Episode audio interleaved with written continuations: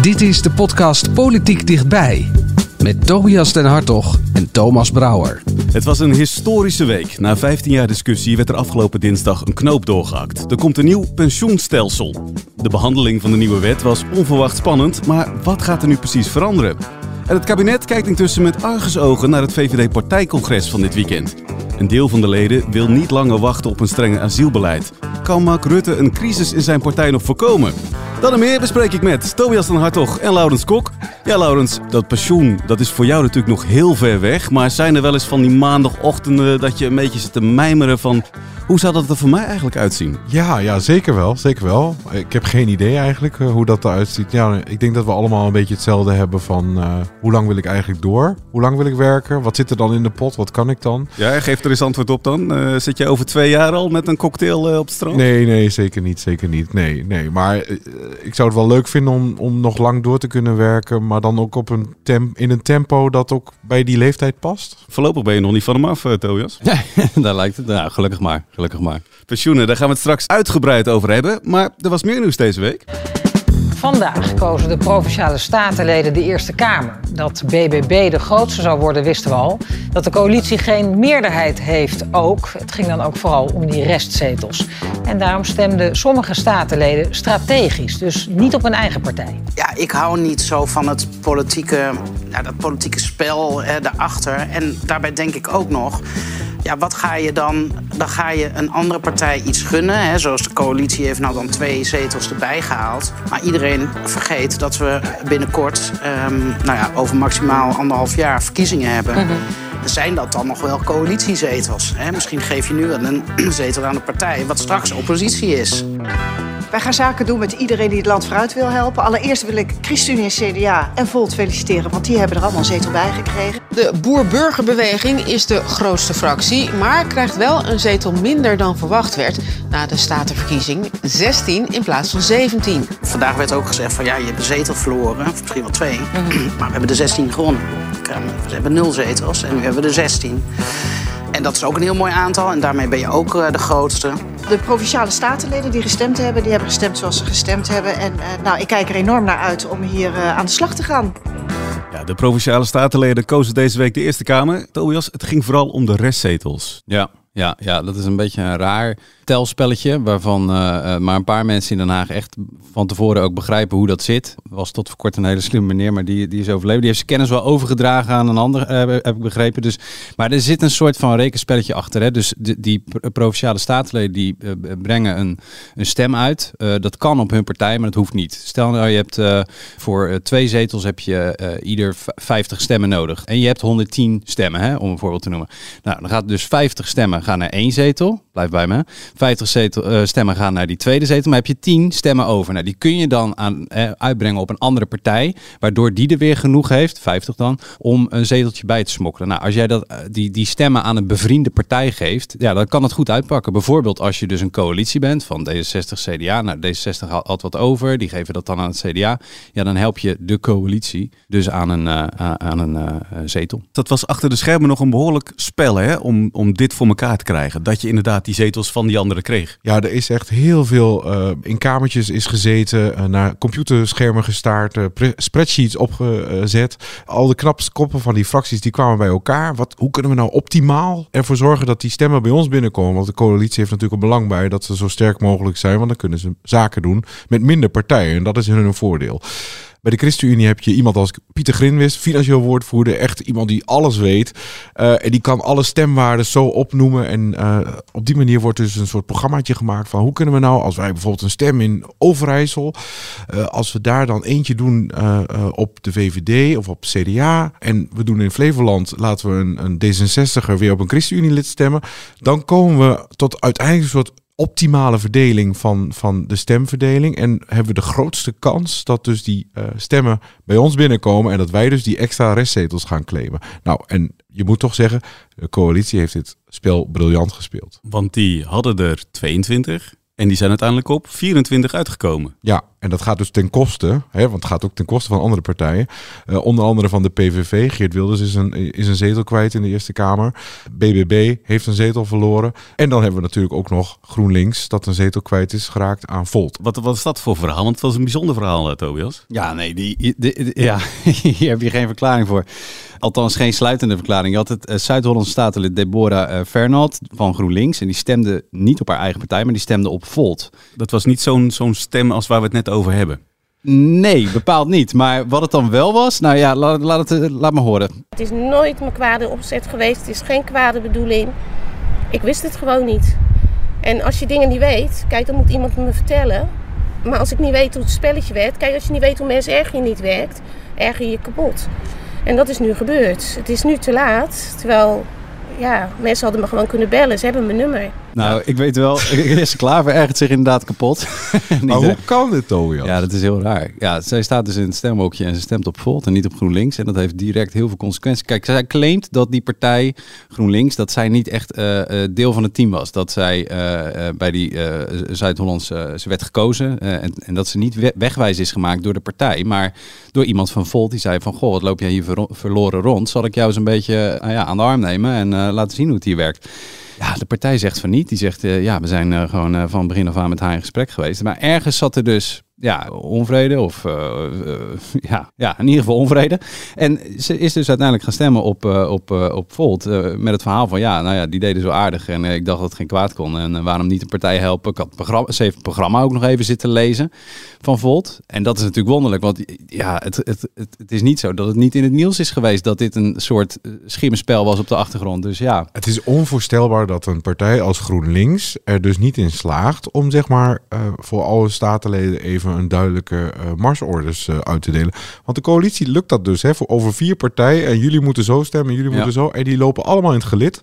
En bij GroenLinks is één statenlid die, die misschien op dat moment toen dat werd gezegd even uit het raam heeft gekeken en afgeleid was. Maar met, met dus het gevolg dat ze dus één hele zetel minder hebben in de Eerste Kamer. Ja, dat is gewoon echt niet fijn. Ja, ook voor haar persoonlijk heeft het consequenties, want ze is uit de partij gezet. Ja, ze is uit de fractie, fractie gezet en ze gaat nu door onder een naam die ik me niet meer kan herinneren. Maar het had iets met Stoer uh, ja, Stoer. De groep Doe Stoer. Dat Doe staat stoer. voor dan Samen tegen Onrecht en Racisme. Ja, nou ja, uh, ja nee, goed. Uh, ik ben ze haar alle geluk van de wereld natuurlijk. Maar dit is wel een. Uh... Misschien kan ze bij Volt aansluiten, uh, ja, ja, misschien is daar nog wel een plekje vrij. Maar meestal is het toch zo dat voor haar uh, gewoon vier eenzame jaren rest in ja. de Staten van Zuid-Holland. De coalitie krijgt er dus twee zetels bij. Wat betekent deze uitslag nu? Nou ja, dat is heel prettig. Want het betekent in ieder geval dat je, wat Laurens zal zijn, met minder partijen zaken hoeft te doen. Hè. Kijk, het kabinet moet, heeft geen meerderheid in de Eerste Kamer. Dus als het een wet doorheen wil hebben, moet het altijd naar een oppositiepartij om te vragen van vinden jullie dit ook een goed idee en stemmen jullie dan mee? Ja, nu hebben ze twee routes en dat is uh, GroenLinks PvdA. Of een route met uh, Want die hebben de 14? Ja, en dan, of, een, of een route met BBB. En dan kom je ook aan een meerderheid. En het was een scenario waarin je PvdA, GroenLinks en Volt nodig uh, had.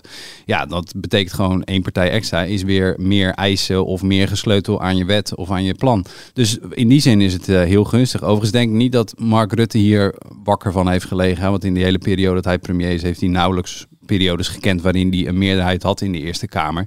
Dus uh, het is wel fijn en het is veel makkelijker, maar het is niet een absolute, absolute must. Het is ook niet zo dat de Eerste Kamer boven gemiddeld veel wetsvoorstellen van hem naar de prullenbak heeft verwezen. Hè. Dus dat is, uh, ik geloof, 21 in totaal sinds uh, zijn aantreden. En dat is iets boven het gemiddelde van de jaren daarvoor. Ah, Rutte heeft er niet van wakker gelegen. Dat, dat ben ik wel met je eens. Maar Rutte is ook iemand die het altijd heeft over het tellen van de ja, zetels. Koppen tellen. Koppen ja. tellen. Ja. En dat is hier gewoon echt heel belangrijk. Want uh, ja, het is gewoon veel makkelijker om met één fractie nog uh, een aantal toezeggingen te doen. En een, en een wet binnen in de wacht te slepen. Dat zal met GroenLinks en de PvdA zullen we dat zien gebeuren. En hij heeft ook nog die optie natuurlijk met BBB. Hè, dus, dus hij heeft ook ja. nog voor het uitkiezen. Uh, dus wat dat betreft. En de SGP heeft er nog een zetel bij. Nou, dat, dat, dat vindt ook altijd fijn mee samenwerken. Nou, dat vindt Rutte zeker ook heel fijn. Uh, en, en dat die zetel van GroenLinks naar Volt is gegaan, dat vindt hij denk ik niet eens zo erg. Want uh, samen hebben PvdA en GroenLinks nog steeds even genoeg zetels om, om de coalitie te helpen. En Volt is gewoon ook een partij die vaak ook meestemt, ook met de, de coalitiepartijen. Al met al dus een, een vrij positieve week voor de coalitie. De wet Toekomst Pensioenen die werd deze week nog door de oude Eerste Kamer behandeld. En omdat een meerderheid akkoord ging, is de grootste hervorming van ons pensioenstelsel nu een feit. En dat zorgde voor opluchting bij minister Schouten. Het is een, uh, een lang en inhoudelijk debat geweest. En dat is ook goed bij zo'n groot onderwerp. Maar ik ben, het is ook wel bijzonder dat na 15 jaar discussie dat er nu ook uh, ja, echt een stap is gezet. Heeft u het nog een beetje kunnen vieren? We hebben nog een drankje gedaan, maar uh, ook weer op tijd naar bed. Want vandaag liggen alle dossiers ook gewoon weer op mijn bureau. Ja, jij was niet bij dat drankje, hè, Laurens? Nee, daar was ik niet bij. En, uh, maar ik moet zeggen, ze zag er toch nog wel een beetje moe uit. Dus uh, ik, ik, nou ja, het zal misschien niet zo laat zijn geworden. Maar de debatten waren ook heel lang. Ik denk dat ze gewoon echt heel moe is. Ja, want het wel spannender dan vooraf was verwacht. Ja, nou ja, je kunt eigenlijk beter zeggen, de coalitie heeft dit spannend gemaakt. Eigenlijk leek er heel weinig tot twee jaar terug weinig ja, uh, aan de orde. We hebben dat pensioenakkoord gehad in 2019. De hele polder, werkgevers, werknemers en het kabinet, nou, die hadden samen een handtekening gezet. We krijgen een nieuw pensioenstelsel. Nou, dat is een hele brede meerderheid. En bij voorbaat zag je dus ook in de, in de Tweede Kamer dat uh, heel veel partijen daar positief tegenover stonden. Um, vervolgens moet de minister dat allemaal uitwerken in, in wetsvoorstellen. Dan komt dit wetsvoorstel naar de Kamer. En dan, wie stuurt de coalitie de ring in? Ja, een aantal Kamerleden waarvan overduidelijk was dat ze niet altijd precies snapten wat daarvoor lag. Die zaten niet altijd diep in de materie. Nee, nee. Uh, berucht voorbeeld is vooral uh, mevrouw uh, Van Beukering-Huibrechts van D66. die ja, soms gewoon met mond, de mond vol tanden stond. Ja, dat leidde echt tot hoongelach in de Tweede Kamer. was echt heel pijnlijk. En je zag ook, ik heb ook later gehoord bij de coalitiepartijen... dat als het ging over de mensen die dit hebben moeten verdedigen... dat het echt een foute keuze is geweest. Want ze hebben echt veel betere financieel onderlegde mensen die, dit, die bijvoorbeeld een Pieter Omzicht van repliek hadden kunnen dienen. Kijk, nu hadden we het geval, uh, Pieter Omzicht die hield een, een betoog van twee uur ongeveer waarin hij die hele wet aan gort praatte. Dat was echt heel pijnlijk. En niemand van de coalitiepartijen nam de moeite om Pieter Omzicht van repliek te dienen. Om te zeggen van ja, u zegt dat wel, maar het zit eigenlijk zo. En vindt u ook niet dat? En dat was echt heel raar. En minister Schouten, die zag je helemaal uh, ja, verkrampen. Zoiets van, wat gebeurt hier? Maar die kon nog niks doen? Nee, want die moest dus nog, die mocht nog niks zeggen, want het was de beurt aan de Kamer. En het erge was dat ook dat Kamerdebat, dat werd uh, zo laat dat de, de beantwoording pas de week erop kon. En toen moest dus Schouten een week lang op haar tong bijten. Voordat ze iets kon zeggen. Je snapt opeens dat drankje en de oplucht. Ja, dat snap ik wel. Want zij heeft echt. Nou ja, uh, Schouten heeft zich echt de blaren op de tong moeten praten om dit te doen. Ik denk ook dat ze dat heel goed heeft gedaan. Uh, ze heeft iedereen erbij gehouden. Je zag ook toen het eenmaal was aangenomen in de Tweede Kamer, ging ze naar de Eerste Kamer.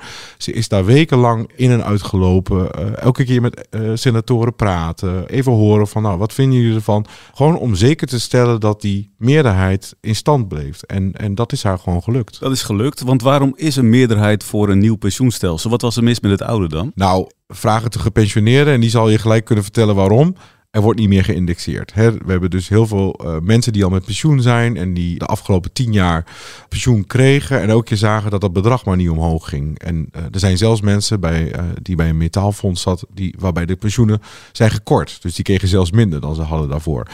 En dat zorgde voor superveel chagrijn. Ook omdat die in die tijd er wel heel veel uh, beleggingswinsten werden gemaakt door de fondsen. Dus de, dus de fondsen boerden goed. Alleen de gepensioneerden profiteren er niks van terug. Precies. Ja. En dat komt omdat in het huidige stelsel moeten pensioenfondsen vrij hoge buffers aanhouden. Uh, om de pensioenen voor de toekomst te kunnen toezeggen. Want pensioen is nu nog een soort van belofte. Je hebt een aanspraak op. En in die aanspraak gaat ook het pensioen elke keer omhoog als, uh, als nou ja, door de inflatie of omdat andere lonen stijgen. Hè. De pensioenen gaan daarin mee. Maar dat lukte dus elke keer niet. Want die pensioenfondsen konden niet waarmaken dat ze inderdaad zoveel zouden uitkeren als ze, dat ze hadden beloofd. Dat klopt, want ze hadden eigenlijk te weinig in kas. Ze mochten dat niet, hè, volgens de regelgeving niet. Want ze hebben buffers nodig die ze moeten aanhouden voor de toekomst. Nou, en dat is gewoon niet uit te leggen aan mensen die denken van ja, er zitten zoveel buffers in die fondsen en hoezo krijgen wij dan geen verhoging? En daarvan heeft uh, zowel politiek als de hele polder gezegd van ja, dat is onhoudbaar. Dit kunnen we niet langer verkopen. Dus hebben we nu een nieuw stelsel. En dat nieuwe stelsel dan? Ja, om het heel simpel te houden. Ja, laten we het heel simpel houden. Ja, dat lijkt me heel goed. Lijkt me heel goed. Uh, dit stelsel gaat minder beloven. En als je minder belooft, heb je minder buffers nodig. Hè? En dat betekent dus dat pensioenen eerder omhoog kunnen, maar ook de keerzijde dat ze eerder omlaag kunnen. Dat is eigenlijk gewoon de kern van wat er is afgesproken. Dus je hebt niet meer die belofte. Zijn we daar dan blij mee als we daar met pensioen zijn? Want dan hebben we dus niet meer de garantie dat wat we zouden krijgen, dat we dat ook echt zullen krijgen. Nou ja, kijk, het is maar hoe je het bekijkt. Als je het dan Carola Schouten vraagt, die zal dan zeggen van ja, maar afgelopen tien jaar uh, hebben mensen ook geen indexatie gehad. Dus wat is die belofte dan helemaal waard geweest? Nou, goed punt zou je denken. Aan de andere kant, als er iets is waar Nederlanders echt niet van houden, is het onzekerheid. En de onzekerheid dat ook in dat het, nieuwe stelsel er misschien wel wat eerder gekort kan worden, dat vinden mensen niet fijn. Nu zijn daar wel een aantal maatregelen voor genomen om te zorgen dat dat gedempt wordt. Fondsen moeten uh, toch nog wel een stukje buffer aanhouden. En ze krijgen ook uh, de gelegenheid om bij uh, tegenvallende resultaten, dat je dat dan mag spreiden over de tijd. Hè, dus dat je de pijn een beetje verdeelt over de generaties heen.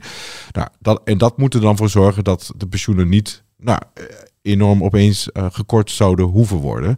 En het voordeel is dat je eerder kunt indexeren. Dus dat, en dat zien we nu ook al gebeuren hè, in de transitiefase die, waar we nu al in zitten. Minister Schout heeft vooruitlopend daarop al de regels een beetje aangepast om te laten zien van dit gaat het nieuwe stelsel doen. En dat betekent dat er dit jaar hebben we misschien wel gezien dat bijvoorbeeld bij ABP meer dan 10% is geïndexeerd. Nou, dat was ongekend, hebben we jaren niet gehad. Dat is nu opeens uh, mogelijk geworden, waardoor dus gepensioneerden opeens wel weer een hoger pensioen krijgen. En nou ja, dat is eigenlijk de grote belofte van dit pensioenstelsel, dat als het gaat zoals het ging, dat je dus eerder toch die indexatie wel kunnen doen, kunt doen die we de afgelopen tien jaar niet hebben gehad. Als ik Laurens zo hoor, dan hoef je je dus helemaal geen zorgen te maken. Dat komt helemaal goed met je pensioen. Nou ja, je weet dat ik vaak op vrijdagmiddag niet weet dat ik op zaterdagochtend dienst heb. Dus je, je kunt je voorstellen dat ik me over mijn pensioen al helemaal niet... Uh... Worden ervan. uh, toch, uh, lezers van onze krant, die maakten, en, en onze site, die maakten zich wel zorgen. Die konden deze week ook vragen indienen. Die zou jij dan stellen aan minister Schouten. welke onzekerheden leveren dan vooral bij onze lezers? Ik moet zeggen, er reageren heel veel lezers. Ik heb echt tientallen vragen binnengekregen. Dus dat is, het leeft heel erg. En mensen zijn gewoon bezorgd en onzeker. En dat zijn vooral gepensioneerden, viel mij op. Die denken van, ja, hoe gaat het nou met mijn pensioen? Krijg ik straks minder pensioen? Iedereen zegt het wordt minder zeker. Oppositiepartijen hebben heel hard geroepen van, het wordt een casino-pensioen. Nou, dan denkt iedereen van... Dat is een term die wel blijft hangen natuurlijk. Dat is een term die blijft hangen. Dus die vraag kwam heel erg naar voren. En een andere vraag was ook heel, die heel vaak opkwam. Want dat hebben we nog niet gezegd, maar uh, ook, uh, we hebben nu nog één grote collectieve pensioenpot. Ja, er zit, iets, zit bijna 1500 miljard in, verdeeld over al die pensioenfondsen. Maar nu kun jij niet zeggen welk deel van dat geld wat daarin zit, wat precies van jou is. Want je bouwt een aanspraak op en niet zozeer een vermogen. Ja, dat gaat dan vervolgens in de grote pot. Ja, dat gaat een, maar dat ga, daar gaan we dus mee ophouden. In het nieuwe stelsel gaan we wel zorgen dat dat vermogen aan iedereen wordt toebedeeld. Dus dan krijg je ook je premie. Dan kun je precies zien wat je hebt ingelegd. En dan krijg je dus ook het rendement, wat bijvoorbeeld wordt uh, verdient met de beleggingen, dat komt daar dan ook in. En dan kun je ook zien waar je potje naartoe gaat. En dan wordt ook gezegd van, nou, in een gewoon, uh, gewoon weer scenario krijg je dit, slecht weer krijg je dat, goed weer krijg je dat. He, dus, dus dan krijg je iets meer indruk grip. van grip, grip op je pensioen. Maar mensen denken van, oh, ik krijg een persoonlijk pensioenpotje. Maar dat is raar, want straks word ik 101. Is dan pot, en is het potje leeg en dan krijg ik helemaal geen pensioen meer. Of, uh, of al veel eerder natuurlijk. En het andere is natuurlijk ook zo, als ik dan overlijd op mijn 67ste, ja, waar gaat mijn potje dan naartoe? In principe blijft dat gewoon hetzelfde zoals dat nu ook is. Dat wij noemen wij dat de risico's delen. Ik vind dat dat een beetje gek woord. Als je lang leeft, vind ik dat geen risico. Is dat vooral fijn. Uh, maar ook uh, als je oud wordt en als je zegt van, is er dan nog voldoende in mijn potje? Dat maakt niet uit. Je krijgt gewoon nog dan steeds je pensioen, want dat delen we met z'n allen, dat, dat risico. Um, omgekeerd is het zo, als je overlijdt, dan komt ook uh, je, ja, je, je opgebouwde pensioen ten goede van de groep. En dat is op dit moment ook zo. Als je overlijdt, uh, dan is het, uh, het opgebouwde pensioen valt ja, ten deel aan het collectief. Wanneer gaat dat nou helemaal in, dit nieuwe pensioenstelsel? We gaan nu naar de transitiefase. Die begint op 1 juli van dit jaar dus nog. En dan hebben fondsen in principe de tijd tot 1 januari 2028 om uh, te kiezen uh, welk voor, nou ja, hoe zij over willen gaan in dat nieuwe stelsel. En daar zit nog wel een, een, een procesbegeleider op die dat allemaal in de gaten houdt. Een, een soort regeringscommissaris moet je dan voorstellen. Die kijkt van, zijn, kunnen die pensioenfondsen dat ook aan? Want je moet je voorstellen, we hebben in Nederland meer dan 10 miljoen pensioen, pensioenen. Want nou ja, jij hebt misschien ook nog wel een vorige werkgever gehad, maar die pensioenen zitten overal bij andere fondsen. En die administratie moet helemaal opgemaakt worden, want iedereen moet er moet worden gekeken hoe de huidige collectief pensioenpot verdeeld moet gaan worden. Of al die persoonlijke pensioenvermogens. Dat is echt een onvoorstelbare klus. En uh, ook omdat bekend is dat de pensioenfondsen niet allemaal hun administratie heel goed op orde hebben. Dus er worden ook nog wel wat ja, ongelukken mee verwacht. Die moeten natuurlijk dan vervolgens hersteld worden. Het is niet zo dat je geld weg is, maar het kan wel zijn dat er een administratieve fout is en die moet wel opgelost worden. Dus daar hebben fondsen dus de tijd voor.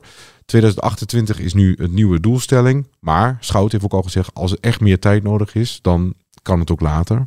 Alleen Schout is dan waarschijnlijk geen minister meer. 2028, dan zijn we wel een uh, behoorlijke tijd verder natuurlijk. Ja, dan, dan zitten we misschien wel bij Van der Plas 1 of... Uh, Rutte 9. Rutte ja. 9.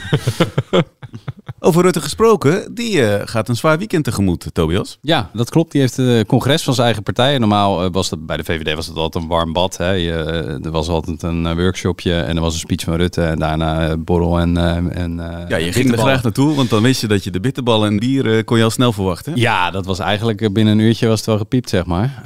Maar de laatste twee congressen zijn explosief geweest. Hè. Eerst over stikstof, waarbij echt de partij de kont tegen de krip gooide. En ja, eigenlijk een beetje op de koers van BBB zei van ho, ho, ho, het gaat wel allemaal heel rap.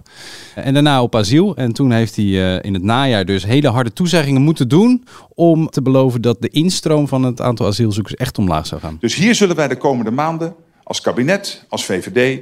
vreselijk hard aan werken. Ik verzeker u dat. Dat is een persoonlijk commitment wat ik u hier afgeef. Ja, we zijn intussen een half Ja. jaar verder, hè? Ja, de klok is gaan, eh, gaan tikken. We zijn zes maanden verder. En eh, binnen de VVD moordt eh, de, eh, eh, nou, de rechtse vleugel van... eh, ja, eh, zes maanden verder, niks, niks veranderd, niks gebeurd. Sterker nog, er zijn asielprognoses overheen gekomen... waarbij we eh, omhoog zijn gegaan, hè, 70.000 asielzoekers te verwachten. Eh, Rutte is na die belofte vorige keer gesprekken gestart... in, eh, eh, in de boezem van het kabinet hè, met betrokken ministers... als het gaat om eh, de asielinstroom. Dan heb je het zowel over asielzoekers als over hoe gaan we om met arbeidsmigranten. En waarvan een groot deel van het kabinet ook vindt, ja, die hebben we ook gewoon nodig. Ehm, eh, Studenten. studenten, precies. Dus het gaat over een breed asielgesprek. Maar dat zal een groot deel van de VVD-achterban een worst zijn. Die wil gewoon weten, asielzoekers, gaan we daar nou mee omlaag? En die, ja, eh, die vraag ligt dus morgen ook weer eh, voor eh, bij dat congres. Ja, een van die kritische VVD'ers is oud-minister Henk Kamp. Het is een onhoudbare situatie en ik heb geen geduld. Ehm, vindt u dat het kabinet te veel geduld heeft? Nou, het kabinet, dat is, ehm, als je het krachtenveld ziet... je hebt links die, die zich niet druk maakt om de asielinstroom... in het kabinet eh, D66 en de ChristenUnie... die het ook niet echt urgent vinden om daar wat, wat aan te doen... om er echt wat aan te gaan doen. Eh, dus dan hou je CDA en VVD over... en die hebben in het kabinet geen meerderheid. En ook in de eh, Tweede Kamer ligt dat eh, moeilijk. Dus dat is de reden dat het steeds maar niet lukt. Maar ja, we kunnen maar niet blijven roepen dat het moeilijk is... en steeds maar niet lukt. Het moet een keer ophouden. En dat moment is volgens mij heel dichtbij. Ja, vindt hem kamp.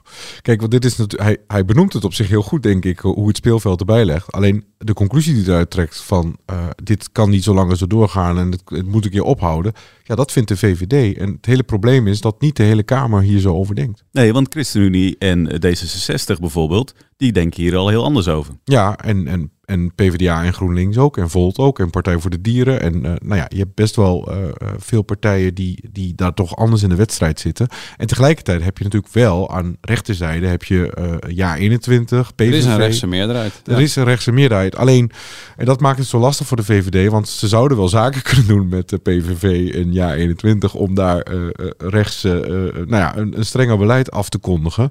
Maar dan, dan is er geen coalitie meer. En dan kun, kan de VVD op andere zaken eigenlijk, nou ja, dan is het, dan is het ook klaar met Rutte. Dan is het kabinet klaar. Dan is, ja, dus het is een hele ingewikkelde situatie. Ja, en dat zou dus wel eens dan voor problemen en paniek kunnen zorgen als Rutte dat morgen niet weet uit te leggen. Ja, want er is wel ook in het kabinet zijn er wel zorgen in toenemende mate over de VVD. De andere partijen zien ook wel deze spagaat. En een kat in het nauw maakt rare sprongen. hè. Dus als, als Rutte eh, morgen bij van spreken ja, heel, eh, weer heel hard op de trom gaat slaan en zeggen eh, allerlei beloftes gaat doen waar het kabinet zich vervolgens helemaal niet in kan vinden. Ja, dan zit hij klem. En dat kan niet. En tegelijkertijd wil hij geen oproer in zijn eigen partij. Hij zal vooral toch nog eventjes geduld moeten vragen van eh, zijn achterban. Dus het, is een, een, eh, ja, een mijnenveld. Dat, zie je ook direct aan eh, hoe dat congres is ingedeeld. Hè. Er is een soort pretprogramma's middags met allemaal workshops en zo, zoals het altijd is. Er is een anderhalf uur gereserveerd voor de algemene ledenvergadering. Dat is eigenlijk het moment dat het gebeurt. En daar staat Rutte niet als speech gepland. Dat is Sophie Hermans namens de fractie die daar het woord voert. En uh, ja, dan is tuurlijk, als er vragen komen uit het publiek aan Mark Rutte, want die zit gewoon in de zaal, dan zal die moeten opstaan, de microfoon pakken en zeggen hoe het zit. Maar het zegt wel een beetje hoe de VVD probeert dat ja, toch een beetje te dresseren. Maar moet niet... van de klappen opvangen voor Rutte? Nou ja, misschien wel de eerste paar, ja. En, uh, en, en, en die zal dan ook zeggen van ja, wij staan er als fractie zo in en we kijken ook naar het kabinet. Hè. Zij heeft ook eerder gezegd, ik, ik, ik geef een soort laatste waarschuwing af. Hè. Ik, ik vraag, vraag één keer, keer vriendelijk. Dus ja, dat zal haar lijn wel zijn. Maar de, daarna is het toch wel aan Rutte. En dat is echt wel eventjes, uh, ja. Wat zegt dat eigenlijk over Rutte dan? Als iemand anders dus de klappen moet gaan opvangen morgen? Nou, ik, ik wil dit nog wel een beetje nuanceren. Kijk, het is natuurlijk wel vaker zo dat een partijleider, een fractieleider, uh, de ring instuurt om de klappen op te laten vangen. Hè? Dus dat, dat hebben we ook in het verleden wel vaker gezien met vicepremiers die dan in het kabinet zitten. Uh, het is vaker gebeurd dat bijvoorbeeld hey, Balkenende ging ook niet altijd zelf uh, het CDA-congres uh, zeggen van nou deze kant moet het op. Ook omdat moties vaak gericht zijn aan de fractie. Alleen het grote verschil is, hier zit persoonlijk commitment in van Rutte. Dus hij maakt zichzelf daarmee ook aanspreekbaar. Dus het is ook heel erg een opdracht die hij zelf heeft opgenomen. Ehm, al vind ik nog wel altijd grappig van wat heeft hij nou precies beloofd? Hè? Heeft hij nu beloofd dat die asielinstroom hij heeft het beloofd zich in te zetten natuurlijk. Ja, vooral dat hij er vreselijk hard aan gaat werken. En dat is een persoonlijk commitment. Nou, als je vraagt van, heeft Rutte vreselijk hard gewerkt hieraan? Wat vind jij, Tobias? Ja, dat denk ik van wel. In die zin dat hij heeft geprobeerd om dat gesprek binnen het kabinet op gang te brengen. Maar dat gaat echt nog helemaal niet met haast. Het andere deel, en dat, daar, daar hebben we het minder vaak over. Maar de echte oplossing voor, voor asiel of de echte de, de grote bewegingen, die komen vanuit Europa. Het is niet dat Nederland kan zeggen van nou we gaan de grenzen dichtgooien. Hè. Dat, dat, dat kan helemaal ook uh, helemaal niet. Er kan alleen een noodsituatie voor een aantal dagen. En dat kan ook maar zoveel kilometer binnen de straal van de grens, bij wijze van spreken. Het gaat erom, wat spreek je in Europa af? Heb je bijvoorbeeld een pact zoals je dat hebt met Turkije, uh, dat honderdduizenden tot miljoenen Syriërs heeft opgevangen.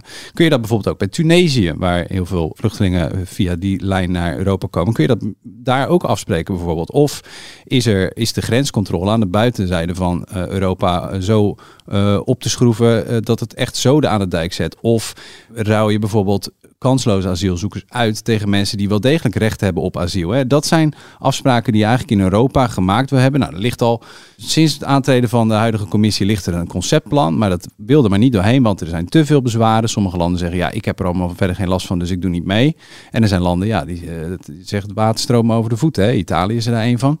Nou, Rutte probeert wel met die landen uh, een soort van coalitietje, een, een verbondje te, te vormen. Maar ja, dat die processen gaan dus heel traag. En dat is niet dat hij elke week terugkomt uit Brussel of Rome of Parijs en zegt: Nou, moet je nou eens kijken wat ik weer uh, voor een pakketje maatregelen uh, te tonen heb. Maar hij is wel degelijk zichtbaar natuurlijk als, als een regeringsleider die hier hard aan trekt. Hè? Ja. Dus uh, hij, komt, hij is ook in de buitenlandse media zien dat natuurlijk ook, dat Rutte hier een belangrijke rol speelt. Dus ja. daar, hij heeft ook wel iets om mee te schermen. Hij werkt eraan, maar hij zal toch morgen wijzen op heb geduld, ik ben ermee bezig. Ja, en het gaat en, nog even duren. En we, en we gaan natuurlijk ook zien in hoeverre de VVD-achterban nou ja, dit genoeg gaat vinden. Ja. Kijk, het is ook altijd lastig voor ons om te taxeren van tevoren van ja, hoe groot is nou eigenlijk de mensen die kabaal maken? Hoe groot is die groep uh, die echt ontevreden is? Want uh, het gemiddelde lid, ja, die, die, die komt voor, voor een biertje en een bitterbal en een speech van de, van, van de partijleider. En een en, selfie. En een selfie, ja, Dat, dat is allemaal hartstikke leuk. En het is ook een beetje, uh, bij de VVD is voor oudsher ook één groot netwerkfestijn. Dus, uh, mm. dus uh, iedereen, die, nou ja, spreekt elkaar nog eens. En daar gaat het ook vooral om. Dus ik ben wel heel benieuwd hoe dat, ja, of ze voor de derde keer op rij toch even hun tanden laten zien. Want, ja. En je moet je ook voorstellen, kijk, bij de stikstofoproer binnen de VVD, dat dat eigenlijk niemand zien aankomen. Dat was veel groter dan gedacht. Maar de vorige keer bij dat uh, congres dat vooral over asiel ging, was er wel een kleine deel van de zaal wat heel veel kabaal maakte. Maar toen er gestemd werd over uh, de moties, haalde dat weliswaar een meerderheid. Maar het was niet een, een, een, ja, een heel erg anti-Rutte uh, stemming, helemaal niet. Het was, dat, dat, dat, dat viel eigenlijk ook wel mee. Dus ja, hoe dat morgen uitpakt kun je niet helemaal voorspellen. En ik denk dat Rutte ook zal voorhouden uh, dat zijn situatie de volgende is. Namelijk, hij gaat, stel je nou zo'n week voor hè, dat je zegt van nou, we gaan nu eens ik ga nu eens wat aan die instroom doen, doen. Je bent Mark Rutte. Nou, op maandag, dinsdag, woensdag vergader je met betrokken ministers in het kabinet. Dan ga je op donderdag naar Italië. Dan heb je daar een gesprekje over. Uh, met de premier. En dan zeg je, nou echt, hè, die instroom is echt te hoog. Ja, daar moeten we echt wat aan doen. En dan kom je op vrijdagochtend in de ministerraad. En dan zegt jouw coalitiepartner, namelijk Sigrid Kaag, die zegt: Ja, jij bent heel de week op pad geweest met de, het idee dat de instroom te hoog is. Maar ik vind de instroom helemaal niet te hoog. Ik vind dat we ze slecht opvangen. Ik vind de instroom niet hoog. Ik zeg niet minder mensen. Ik zeg meer bedden. Dat is de, de, de politieke realiteit waar Rutte ook mee te dealen had die afgelopen zes maanden. Dus het is ook, ja, misschien dat hij dat, hij dat ook nog wel even voor gaat houden. Van ja, luister Ja, eens. en die rolvermenging is gewoon heel ingewikkeld. Vandaag Ja, is natuurlijk en premier en partijleider. premier, ja. en, en eh, op de wekelijkse persconferentie eh, die hij geeft na de ministerraad... wordt hij natuurlijk ook voortdurend aangesproken op deze belofte... die hij heeft gedaan aan zijn eigen achterban als partijleider. Maar ja, je kunt toch ook niet altijd die rollen helemaal van elkaar scheiden. Hè? Dat is ook heel moeilijk uitlegbaar. En het is de vraag of hem dat dus morgen gaat lukken. Ja, nou zal het niet eh, eindigen in een exit Rutte hoor. Daar hoef je, daar hoef je niet op te rekenen. Maar eh, het zal eh, een interessante middag worden. Als we dan kijken naar volgende week, eh, jongens. Ja, we hebben een debat over... eh, Je begint al meteen te zuchten. Ja, nou ja, dat, dat verklaart misschien ook wel een beetje hoe ik daarin zit. Kijk, we hebben een, een enquêterapport gehad over Groningen. Het kabinet is met een reactie gekomen. En dan gaan we komende dinsdag en woensdag eh, gaat de Kamer het daarover hebben. En in Groningen is natuurlijk heel veel misgegaan. Eh, en zo'n enquête is er over het algemeen toch echt voor bedoeld om lessen te trekken. Maar als je dan nu een beetje rondspeurt van, nou ja, wat gaan we dan krijgen? Dan denk ik vooral dat we een bloeddorstige Kamer gaan krijgen. Die vooral wil afrekenen en het opnieuw op gemunt heeft. En ik ben wel eh, ik vraag me dan af in hoeverre dan ook nog er ruimte genoeg zal zijn om eh, ja, ook het nog over de inhoud te hebben. Of dat pakket wat het kabinet heeft neergelegd, is dat nou goed genoeg? Moet er nog iets bij? En dat zal heus wel aan de orde komen. En ik vind dat ook een taak van ons om dat goed te verslaan. Hè? Maar ik denk de kleur van het debat zal toch veel meer worden bepaald door... Schieten ja, op Rutte. Ja, ja. En dat is denk ik ook wel een beetje wat met die, die enquête soms ook een beetje ongemakkelijk lijkt te maken. Hè, We hebben nu best veel. Er komt ook nog een corona-enquête aan. En als je dan de geluiden nu hoort hoe dat gaat. Hè, eh, collega Niels Klaas had er een heel mooi stuk over, over hoe dat in de binnenkamer op dit moment werkt. Want er is een voorbereidingscommissie aan het werk gezet om een plan te maken van nou, wat gaan we, wat gaan we dan onderzoeken? Hè, allemaal onderzoeksvragen opgesteld. Ja, en dan zie je dus dat eh, eh, in de vraagstelling daar soms best wel het, het neigt naar van ehm, dat de overhand heeft van we hebben onze burgers eh, in hun vrijheid beknot. Dat dat het belangrijkste is. En wie kunnen we daarop afrekenen? Precies, precies. En, en eh, Lisa Westerveld van GroenLinks die zegt van ja, maar eh, prima om dat te vragen. Maar ik mis eigenlijk de vraag van hadden we niet veel harder moeten ingrijpen? Hebben we niet onnodig eh, mensen, nou ja, eh, eh, dat die nu last hebben van long covid of dat ze zijn overleden? En hadden we daar niet veel meer inspanning nog voor moeten verrichten? En dat mist zij. En je ziet dus dat er een discussie is binnen de Kamer van ja, wat voor commissie wordt dit nou eigenlijk? Wordt het een soort commissie waarbij straks eh coronacriticaster als Papijn van Houwelingen, dat hij dan Hugo de Jonge mag grillen? En, en dat hij dus vragen stelt waar andere partijen zich heel ongemakkelijk bij gaan voelen. Dat is denk ik wel echt het, eh, het grote probleem. Ja, want dan krijg je eh Pepijn van Houwelingen die zegt... eh oh, daar heb je Hugo de Jonge met zijn gifprik en zijn mondluiers... en we gaan van deur tot deur en we gaan per postcodegebied bekijken... wie er nog niet geprikt zijn. Nou, dat is natuurlijk door, een bepaald, door zijn bril allemaal bezien. Maar als dat, dat levert natuurlijk goede televisie op. En voor, voor Pepijn van Houwelingen. Maar ook ongemak bij de andere commissieleden... die helemaal niet prettig vinden dat er dan over een gifprik wordt gesproken... of over absurde maatregelen en mondluiers. Het is natuurlijk heel erg dat nu partijen, grote partijen, eh, zoals de PvdA of GroenLinks, eh, die zeggen van ja, we hebben eigenlijk niemand voor die commissie. Dat is, dat is Ja. eh, onbestaanbaar Ja. eh, in het verleden. Eh, en, dat, en dat toont ook wel het ongemak dat, dat in, de, in de Tweede Kamer eh, eh, heerst van wat moeten we nou eigenlijk met deze commissie? Want wordt het niet vooral een soort ja, eh, leuk eh, tribunaaltje voor Van Houwelingen? Nou ja, dus het gaat 3,5 jaar duren, geloof ik. En eh, gaat eh, drie jaar duren en 7,5 miljoen kosten. Ik bedoel, die, de- dadelijk is de hele pandemie eh, heeft korter geduurd dan de, eh, het onderzoek ernaar eh, uiteindelijk gaat duren. Dus dat is wel, eh, ja. We kunnen de bingo kaarten erbij pakken in ieder geval. Ja. Ja, ja. Tot zover deze podcast. Vind je dit nou een leuke podcast? Abonneer je dan. Dat kan via Spotify of Apple Podcast. En volgende week, dan zijn we er weer. Tot dan.